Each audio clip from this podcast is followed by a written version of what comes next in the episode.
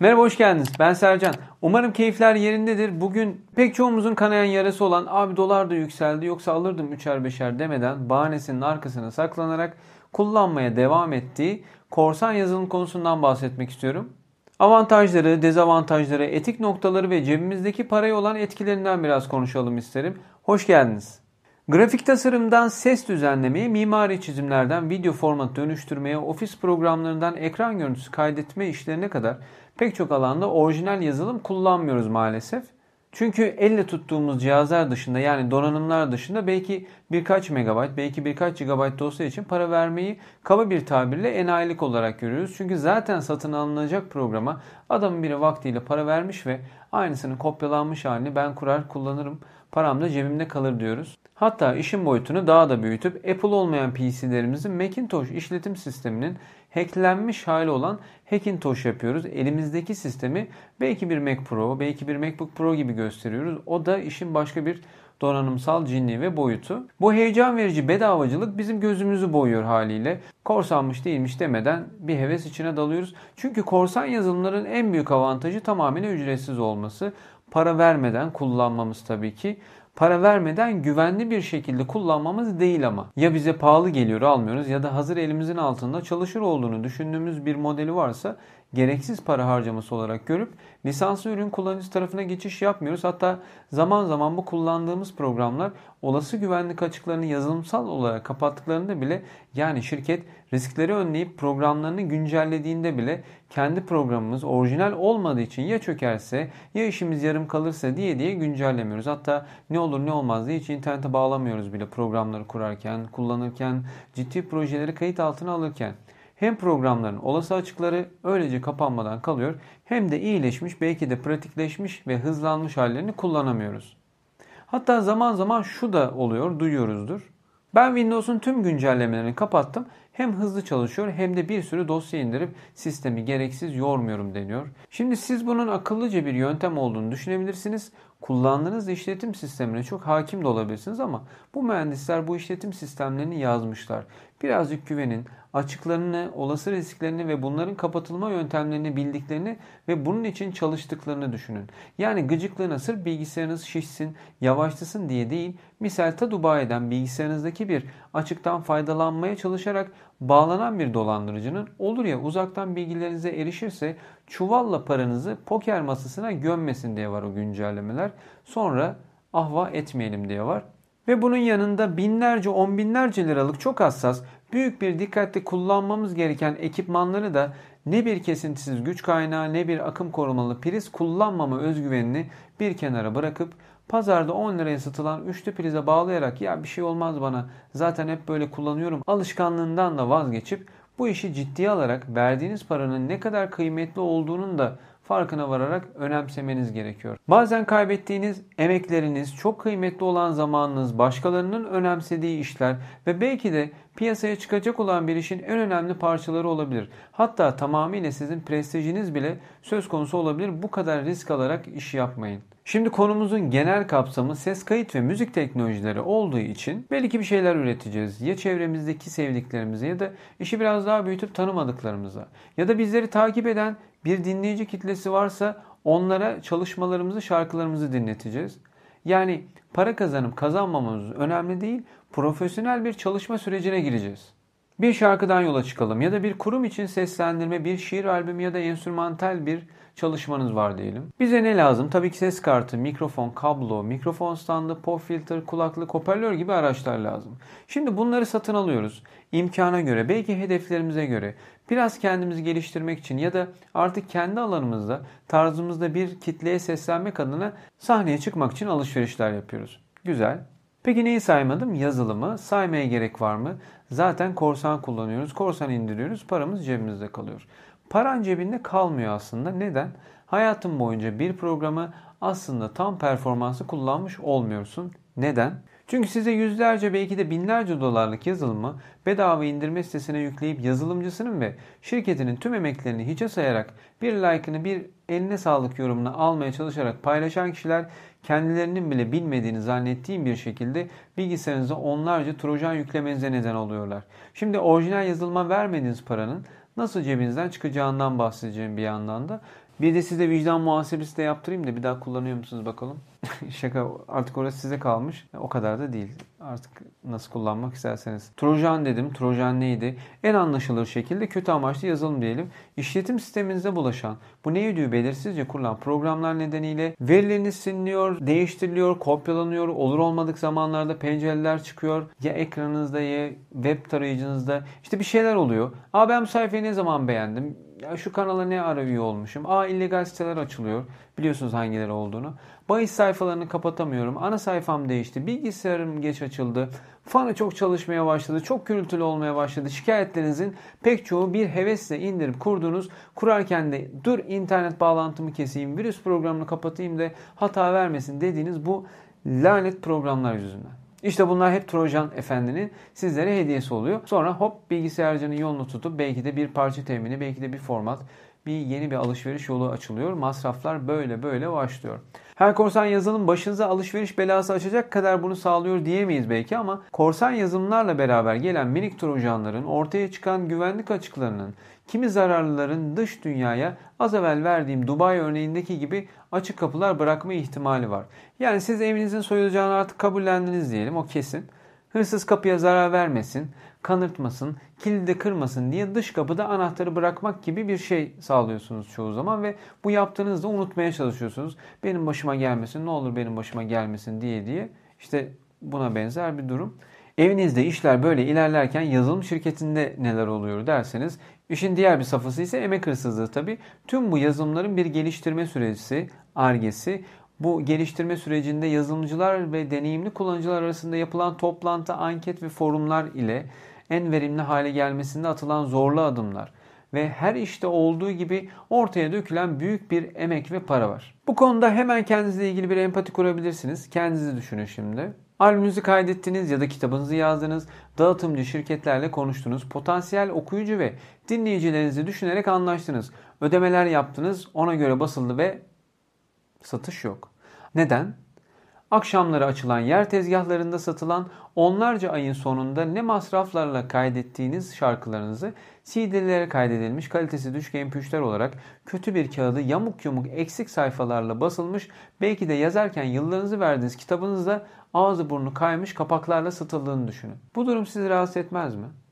Başta siz olmak üzere sizinle beraber o çalışmayı yaparken beraber çalıştığınız emek verenler, stüdyo çalışanları, mix mastering mühendisleri ya da en basitinden gitarınızla düzgün kayıt alabilin diye tüm ayar ve bakımınızı eksiksiz yapan lüthiyenin, Kitabınızı dizgiye sokan dizgicinin, editörlüğüne çok güvendiğiniz o hanımın hiç mi hakkı yok? E yok demek ki adam sokaktaki tezgahında satıyor bunu. Yani sokaktaki etikten bir haber olan adam öyle düşünüyor olabilir tabi. Kendinizi rahatlatmak için ama biri kitap biri program diyebilirsiniz. Biri elle tutuluyor biri yok ki diyebilirsiniz. Kitabın tabii ki korsana ayıp büyük terbiyesizlik diğerini download ediyoruz abi sonuçta diyebilirsiniz. Hayır efendim diyemezsiniz. Biri hayatını anlatıp maceralarını sıralıyor. Biri de senin hayatının en güzel müziklerini kaydedeceğin programı satır satır kodluyor. İkisi de birbirinden farklı değil. Her şeyin ötesinde orijinalini almak yazarın, müzisyenin, yazılımcının, mühendisin kendisine ve üretimine saygı göstermektir. Kendimden örnek vereyim. Sercan Solmaz'da MP3 yazdığımda arama motoruna çıkan sonuç bu mesela.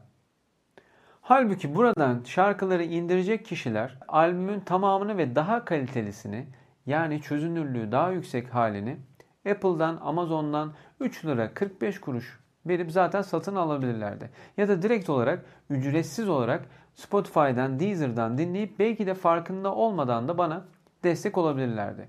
Durum buna dönüşmüş. 30-40 tane sitede gördüm böyle. Belli bir popülaritede değilseniz zaten bir şey kazanmayacağınız belli bu şekilde zaten hayrına iş yapmış oluyorsunuz. Bir dahaki sefere de bir müzisyenin, bir yazarın içindeki heveslerin neden söndüğüne dair, neden acaba yeni kitabını yazmıyor, neden yeni albümünü çıkarmıyor, kaç sene oldu sorularını bu girdabın içinde kendiliğinden cevaplamış oluyoruz. Bu öyle bir zincir ki zamanla FIFA oyunu çıkaran EA Sports firması Türkiye Ligi takımlarının tamamını oyunun içinden çıkardığında Herkes bir ayaklanmıştı oyun dünyasında. Firma da bir açıklama yapmak durumunda kalmıştı. Elimizdeki verilere göre en çok FIFA oyununu oynayan ülke Türkiye ama en az lisanslı oyunun da oynandığı yer diye. E şimdi ne yapsınlar? Bir şekilde tepkilerini göstermek zorundalar. FIFA da böyle bir karar almıştı. Ve böyle böyle Yazarların kitapları korsan satıldıkça, sanatçıların eserleri kıytırık MP3 formatında reklam dolu internet sitelerinden indirildikçe büyük paralar yatırılarak yazılan uygulamalar, oyunlar korsanın avucundan ayrılmadıkça sektörden elini eteğini çekip belki de sevmediği halde mezun olduğu üniversitedeki bölümünde iş aramak zorunda kalacak pek çok yazar, yazılımcı ya da müzisyen olacak. Konuyu dramatikleştirmiş olabilirim ama böyle maalesef müzik yapmayı çok seviyorum. Şarkı söylemek, bir albüm piyasaya sürmek ve iyi yerlere gelmek istiyorum diyebilirsiniz. Bu pek çok müzisyenin hayali, iyi bir müzik kariyeri ama yolda görse selam bile vermeyeceği insanların sonsuz kaprislerini çekerek hem de yıllarca çekerek bir kotaya, bir eşiğe yaklaşabilmek için var gücüyle mobbingler içinde çalışıp ayda bir kere evindeki piyanosunun tek bir tuşuna anca basabilen pek çok kimse tanıyorum. Ürettiğimiz işler hakkı verilerek desteklenmedikçe bunun sonu zaten başka bir yere de gitmez maalesef. Şimdi öz eleştiri zamanı. Bu kadar saydın da sen hiç mi kullanmadın? Sen ne yaptın derseniz korsan konusunda açık olayım ben de korsan yazılımı kullandım. Başta dedim süper çok güzel gidiyor. İnternetim olduğu sürece hepsi elimin altında. Sonsuz büyük bir havuz. Aslında öyle değilmiş. Bir gün bir yere teslim etmek üzere 16 kanal kaydettiğim bir şarkı. Bir de üzerinde uzun zaman harcamıştım. Pat diye hard diskimle beraber gidince ne şarkıya ne de diskimin içindeki tüm verilerime erişemeyince bu işin ne kadar riskli şansa bırakılarak yapılmayacağını öğrendim. Yıl 2005'te 21 yaşındaydım o zaman. Sonra yavaş yavaş öğrendim ki ses kartlarının yanında verilen yazılımlar en azından bir 7-8 kanal kayıt yapmamı sağlıyor. Hem de orijinal yazılımlar dolayısıyla. Olabilir dedim. Hatta zaman zaman bazı program ve pluginlerin ya çok indirime girdiği zamanlar olduğunu öğrendim.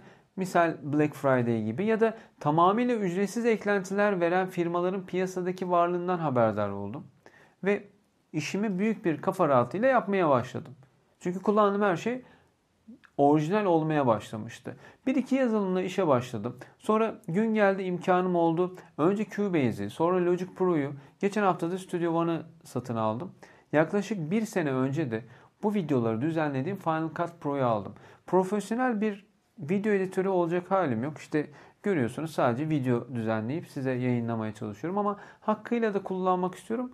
Hem verimli bir şekilde hem de kafamda acabalar olmadan. Son bir yıldır video işini çözmeye, anlamaya çalışıyorum. Öğrendikçe de anlatmaya çalışıyorum burada size. Ama benim para kazanırsam alırım. Dur şu işte bir meblağ gelsin de hemen söz sepete eklerim diye diye kendimi kandırmama gerek yok işin açığı. İşimi yaparken kafamın rahat olmasına ihtiyacım var. O yüzden ilk kazandığım işte söz alacağım diye bir eşik koyduysanız kendinize sözünüzü tutmaya, kendinize dürüst olmaya çalışın lütfen. İnanın sonrasında çok rahat çalışacaksınız. Çünkü orijinal yazılımla iş yapıyorsunuz ve tamamıyla biliyorsunuz ki kendinizi odaklayabileceksiniz işinize. Bir de mesela şu geldi aklıma. Biri geliyor diyor ki elimde 10 TB hard disk var. Büyük disk. İçi plugin dolu. Sesler, sample'lar, programlar, davlar, derya deniz. Halbuki siz iyice araştırmış ve bilinçli bir tüketici olsanız 10 TB'lık diskin içinde boğulacağınıza Hangisi nerede ne işe yarar? Acaba düzgün çalışıyor mudur? Güncelleme gelirse ne yaparım? Büyük projelerde riske girer miyim? Acaba diye düşünmektense benim şuna şuna ihtiyacım var. Diyelim iki ana yazılım 5 de plugin bitti gitti. Hedef tahtanıza onları koyarsınız ve onlara yaklaşmaya çalışırsınız. Onları almak için bütçenizi ve planlarınızı yaparsınız. Bir de 10 TB'lık diskin içine bulduğu her şeyi yerleştiren bir adam çerçöp ne varsa toplamış olabilir muhtemelen. O yüzden yine seçilmiş olan programların içerisinde, sizin seçtiğiniz programların içerisinde orijinalleri almaya yönelmek her zaman en doğru adım olacaktır. Bir ses kartı, bir kamera, mikrofon, referans monitörü alırken öyle değil mi zaten? Hedeflerinize bir şeyler yerleştirirsiniz ve almak için harekete geçersiniz. Bu emin olun size daha fazla zaman kazandıracak ve daha doğru hamlelerle daha iyi işler hem de etik ve kararlı programlar kullanan bir kullanıcı olarak işlerinizi yapacaksınız ve orijinal yazılım kullandığınız için ve göğsünüzü gere gere evet bastım parayı aldım anlamın akıyla işimi yapıyorum da diyeceksiniz. Şimdi diyebilirsiniz ki o kadar parayı nasıl vereyim? Zaten öğrenciyim, az harçlığım var ya da çalışmıyorum. Bir de ona para ayıramam. Bunu diyebilirsiniz. Birçoğumuz diyoruz belki. O zaman istediğiniz işi hakkıyla yapana kadar, hakkıyla derken orijinal olduğu için tam performanslı çalışmasından bahsediyorum. O zamana kadar yapacağınız işte kullanacağınız programların pek çok alternatifi var. %100 karşılığını veremeyecek belki ama işinizi sağlıklı bir şekilde kısmi olarak da çözecek yazılımlar var. Photoshop yerine GIMP var, Cubase yerine Reaper var, Microsoft Office yerine OpenOffice, LibreOffice var. Adobe Premiere ya da Final Cut yerine DaVinci Resolve var ki DaVinci Resolve bazı konularda daha başarılı. 3D Max yerine Blender var. Var bir sürü alternatif var. Tabi bu alternatifler her aradığınızın karşılığını tam bir şekilde, tam verimli bir şekilde sunamıyor da olabilirler. Ama işinizi güvenli bir şekilde, yine orijinal bir şekilde bilgisayarınızın güvenliğini de elden bırakmadan yapabilmenizi sağlıyorlar. Kimi yazılımlar Pro Tools gibi, Adobe Photoshop gibi, Premiere Pro gibi aylık abonelik hizmeti sunuyorlar. Hatta Slate Digital gibi üreticilerin ürettiği geniş bir plugin havuzuna aylık belli bir bedel karşılığında abone olabiliyorsunuz. Ya da tamamen yazılımı tek seferlik satın alabiliyorsunuz. Cubase gibi, Final Cut gibi, Studio One ya da Ableton Live gibi. Her versiyonda farklı ödemeler yapabiliyorsun. Ya da tek bir ödemeyi Logic Pro gibi bir yazılıma yapıp bütün versiyonlarını ilk ödediğiniz bedel üzerinden kullanabiliyorsunuz. Tekrar bir e, bedel ödemeniz gerekmiyor. Kimileri yüksek fiyatlı, kabul ama kimileri de 2-3 aylık sigara paranızla karşılanabiliyor. Ama illa ki sizin için önemli olan bu yazılımlar kesinlikle ücretliyse ve bunu kullanmanız gerekiyorsa ve her şey bilgisayarınızın içinde dönüyorsa ondan bağımsız bir şey yapamıyorsak ister işinizi hobi olarak yapın ister profesyonelce yapın bu yazılımların da bedenini karşılamakla yükümlüyüz. Yani komşunuzun evindeki ses kartını kamerasını o uyurken nasıl olsa haberi olmaz diyerek, uyuyor diyerek kullanmanız nasıl etik değilse hatta ona direkt hırsızlık diyoruz. Bir yazılımı da kullandığınız ekipmanların içinde sayıp hem bütçenizi hem de planlarınızı ona göre yapmalısınız. Farkındayım kelimelerden rahatsız olmuş olabilirsiniz. Biraz farkındalık yaratmak istiyorum. Siz kendi emeğinize nasıl ki sahip çıkmaya çabalıyorsanız yazdığınız kitaplar kopyalanmasın, albümler tezgahları düşmesin diyorsanız ya en basitinden bir blog yazınız kopyalandığında hatta onu bırakın 140 karakter bir tweetiniz bile retweet edilmemiş de direkt kopyalanıp paylaşılmış diye sinir krizleri geçiriyorsanız bu işte böyle kusura bakmayın. Bu iş ama şöyle ama böyle ile olacak bir iş değil.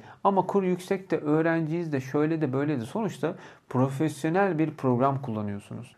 Michael Jackson da zamanında senin gibi bu programı kullanıp albümünü kaydetti. Sen de şimdi aynı şeyi yapmaya çalışıyorsun. Yani profesyonel bir programın başında olduğundan yapılacak şeylerin senin bilgin, tecrüben ve hayallerinle sınırlı olduğuna inanman gerekiyor ve mesleki tecrüben de tabii ki.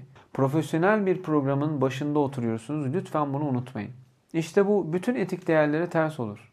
Üretenlerin en iyi dostu ve destekçisi yine bizler yani üretenler olmalı. Bir şey başımıza geldiğinde dert yanıp bir başkasının başına geldiğinde sırtımızı çevirmemeliyiz. Bana ne canım benim evim mi yanıyor deyip itfaiye yol vermeyip aslında o yanan evin kendimizin olduğunu görünce de neden hemen yetişilmiyor kardeşim diye dert yanarsak işte bu hayatın olağan akışına ters olur. Bütün etik değerlere ters olur. Üretenlerin en iyi dostu ve destekçisi yine bizler yani üretenler olmalı. Görüşmek üzere.